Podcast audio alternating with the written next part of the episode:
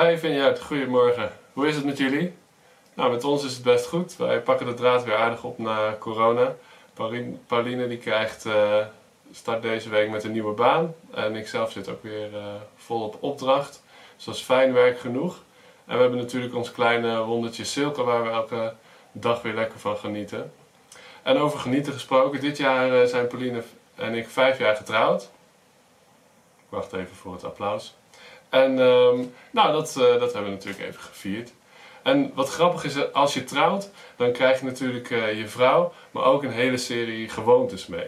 En dat had ik me niet zo beseft, maar bij Pauline's familie, waar ik me trouwens echt altijd super verwelkomd heb gevoeld en waar ik het enorm naar mijn zin heb, maar daar is één duidelijke voorwaarde. Er is zeg maar één puntje waarop geen compromis gesloten wordt. En um, dat puntje dat is echt zeer belangrijk. Want als je gaat kamperen in een tent, dan moet dat een de zijn. En een de dat is natuurlijk een tent die super bijzonder is. Dat zijn de beste tenten die er zijn. En een de die zet je op volgens hele specifieke instructies. Daar horen allerlei ritueeltjes bij, van het oprollen tot het opzetten. En er zitten ook hele technische handelingen in voor het spannen en het strak krijgen van je doek. Nou, best wel ingewikkeld dus. En na vijf jaar huwelijk begin ik nu een beetje erin te komen en mag ik al een klein beetje meepraten. En vandaag wil ik het met jullie hebben over uh, een tent uit de Bijbel. Um, want in de Bijbel staat ook een tent beschreven die volgens hele specifieke instructies opgezet moest worden. Er stonden niet alleen instructies over het opzetten, maar ook over de vorm, de manier waarop uh, die geplaatst moest worden, de kleding van de priesters, de rituelen eromheen, allerlei voorwerpen die erin moesten komen. En dat is de tabernakel. Maar daarnaast is er ook nog een andere tent in de Bijbel waar ik het over wil hebben. En die tent, dat is een hele bijzondere tent, die houdt zich eigenlijk helemaal niet aan die regels. Die lapt die regels een beetje aan de laars, lijkt het. En hoe kan dat nou eigenlijk? Maar het is juist die tent waarover God zegt, die tent wil ik graag herbouwen. Die tent wil ik weer herstellen in oude glorie. Niet die tent met alle regeltjes, maar die tent die zich niet echt aan de regeltjes hield. Want die tent, dat is de tent van David. Jullie kennen misschien het verhaal uit 1 Kronieken 15 en 16. David die de ark van God, die symbool stond voor Gods tegenwoordigheid, weer terughaalt naar Jeruzalem. En David is er zo blij mee dat het uiteindelijk lukt, want het ging niet zonder slag of stoot, dat hij in zijn onderbroek, in zijn onderkleed uh, zoals ze dat toen hadden, danst voor de ark uit, vol uh, aanbidding.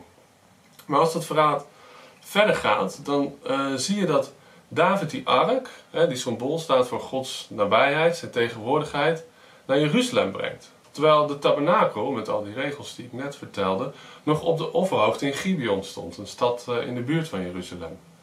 En als hij naar Jeruzalem brengt, die ark, dan zet hij hem niet in het heilige der heiligen van een tent. Uh, zoals dat hoort in de tabernakel.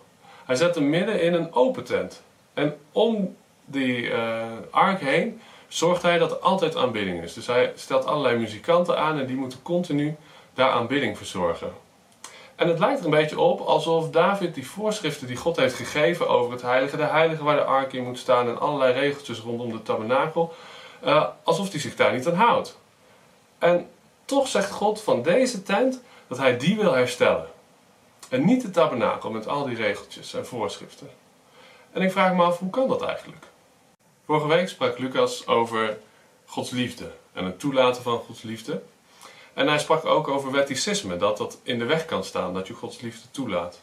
Want als we leven vanuit wetticisme, creëert dat afstand tussen ons en God.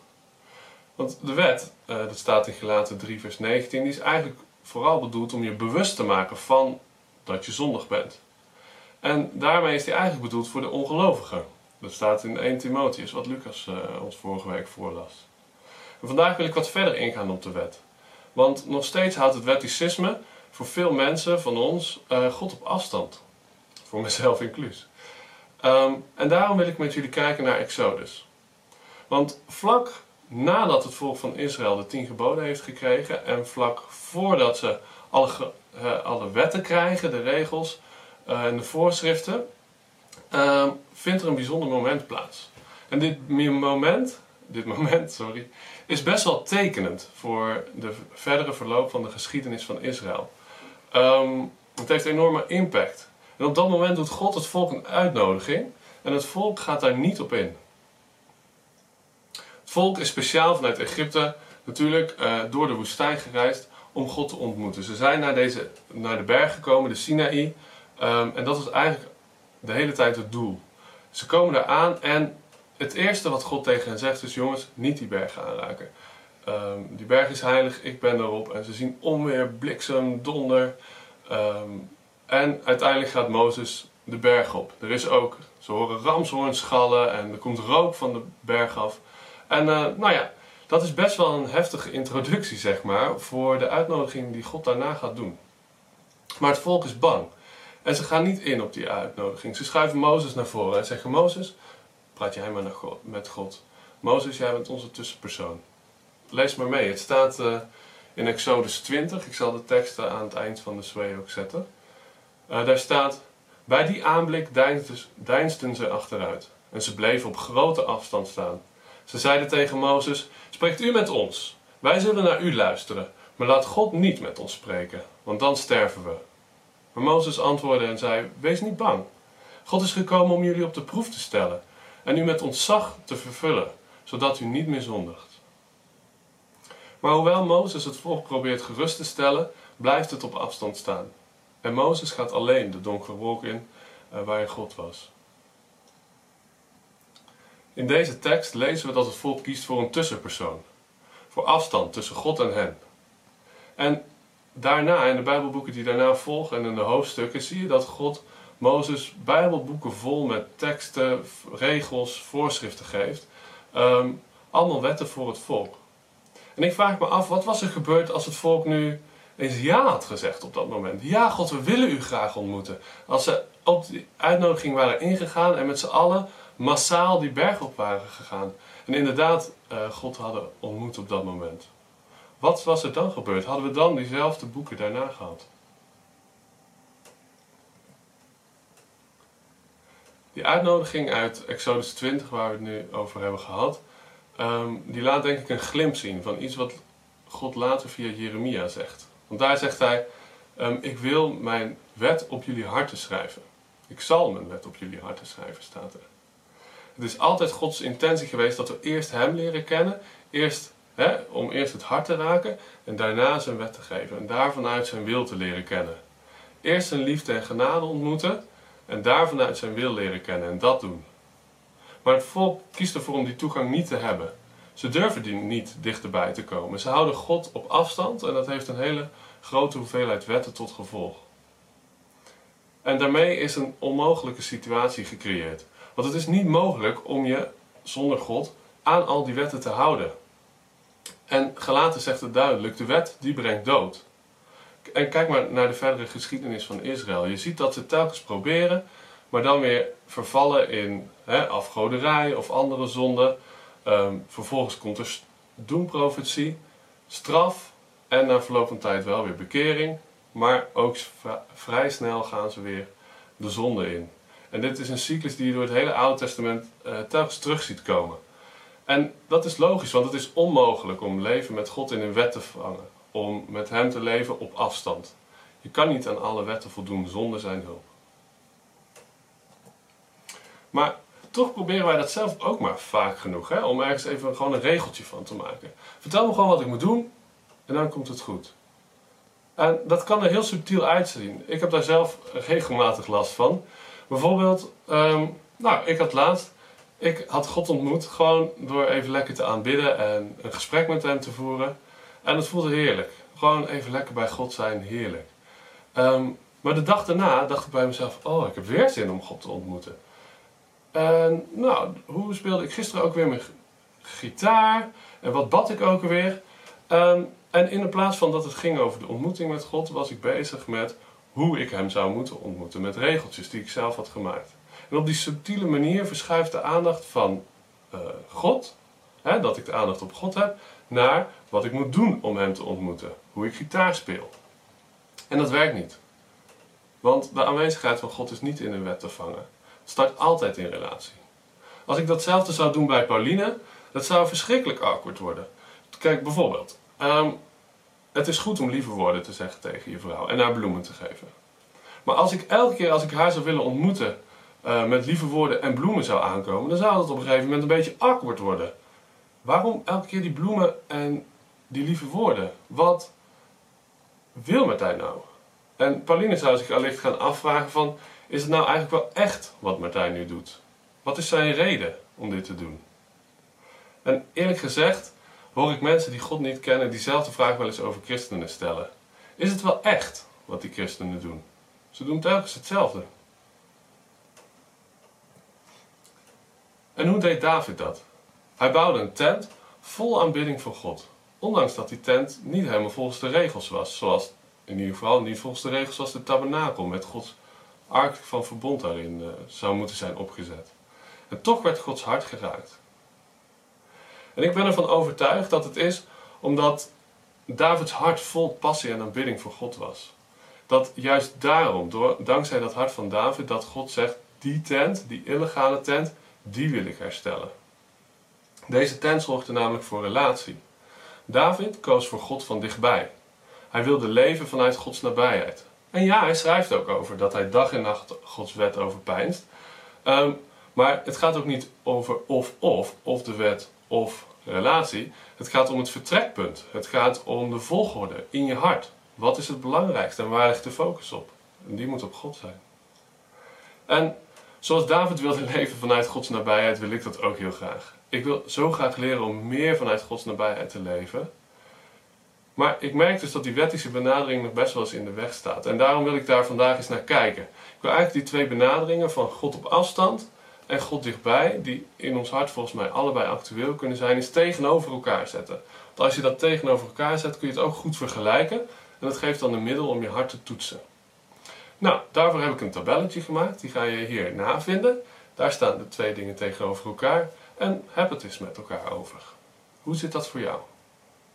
We hadden het net over de wettische benadering van God aan de ene kant, waarbij je zegt ik wil God op afstand houden via tussenpersonen of regeltjes. En de benadering van David, waarbij God dichtbij is. De wettische benadering leidt bij langdurige blootstelling tot de dood van je geloof. Met de focus op regels en vormen houd je God op afstand en leg je de focus op jouzelf, op jouw goede en op je slechte daden. En dat leidt dan tot ofwel een overweldigend schuldgevoel van tekortkomen, ofwel een misplaatst gevoel van voldoen aan alles wat God van je vraagt, terwijl je hem eigenlijk niet kent. Je ontneemt God daarmee de kans om rechtstreeks tot je hart te spreken. Je kunt God niet onder controle houden. Een relatie met Hem is niet in regels te vatten. Weet je, als je niet bereid bent om te kiezen voor het oncomfortabele, het onduidelijk gedefinieerde, van volgen van God op korte afstand, van God dichtbij en God liever op afstand houdt, heeft het eigenlijk weinig zin. Dan kun je er beter mee stoppen. Weet je, ik denk dat we als kerk te vaak een wettische benadering van God laten zien. En dat we daarmee mensen afschrikken. Ik denk dat jongeren in de westerse wereld de kerk massaal verlaten omdat ze authenticiteit missen. Ze missen het leven. Ik denk dat wij als kerk meer dan ooit moeten kiezen om ons huis op te schonen en te stoppen om afhankelijk te zijn van routine, regeltjes, vormen die we onszelf door de eeuwen heen hebben opgelegd. Wetten die we boven God stellen waarmee we denken God te ontmoeten, maar we missen de echte ontmoeting met Hem. God wil die tent van David herstellen. Niet de tabernakel met al die regels, zodat hè, de mensen die zonder Hem leven, Hem gaan leren kennen. Dat zie je ook staan in Handelingen 15. Lees het straks maar na. En mijn oproep is om scherpte, om duidelijkheid. Laat jij God dichtbij.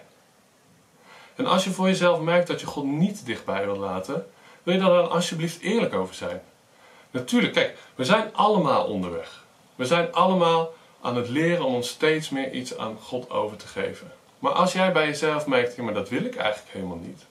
Of ik vind het eigenlijk wel lekker of comfortabel. Dan wil ik je vragen, wil je stoppen om christen te spelen? Stop daarmee. Laten we stoppen om regels en routine hoger te waarderen dan relatie met God. Het is onaantrekkelijk onaantrekkelijk en zelfs afschrikwekkend voor mensen die God niet volgen.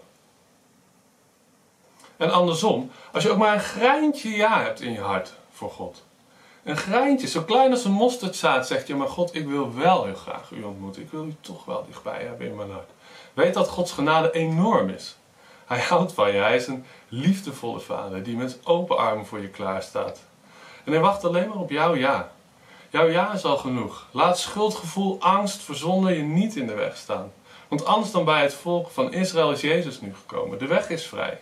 Gods hart is open. Het voorhangsel naar het heilige der heilige is gescheurd. Jezus heeft alle schuld op zich genomen. Alle schuld, ook die van jou. De weg is vrij naar het hart van de Vader voor iedereen die zegt ja, ik wil u graag Vader. Weet je, ik heb enorme honger om God te ontmoeten en zie uit naar nog veel meer van Hem. Om daarvan uit te delen, om het zelf te ontvangen, om gewoon in en met Hem te blijven leven en nog veel meer te leven. En eerlijk gezegd, ik weet gewoon niet zo goed hoe dat werkt. Ik weet niet zo goed wat de weg er naartoe is, maar ook daarin wil ik Hem vertrouwen. Ik wil vertrouwen dat Hij telkens mijn beetjes ja neemt en meer en meer versterkt en uitbreidt. Ik wil steeds meer van mijn nodeloze bagage, wettische onzin, uh, regeltjes die ik voor God stel, afleggen. En me achter Hem aangaan. En natuurlijk, daarna komen het wel het, het voldoen aan Zijn wil en naar Hem schikken, maar vanuit passie, daar heb ik verlangen naar. Want boven alles wil ik Hem ontmoeten en Hem uitstralen en nog veel meer en meer.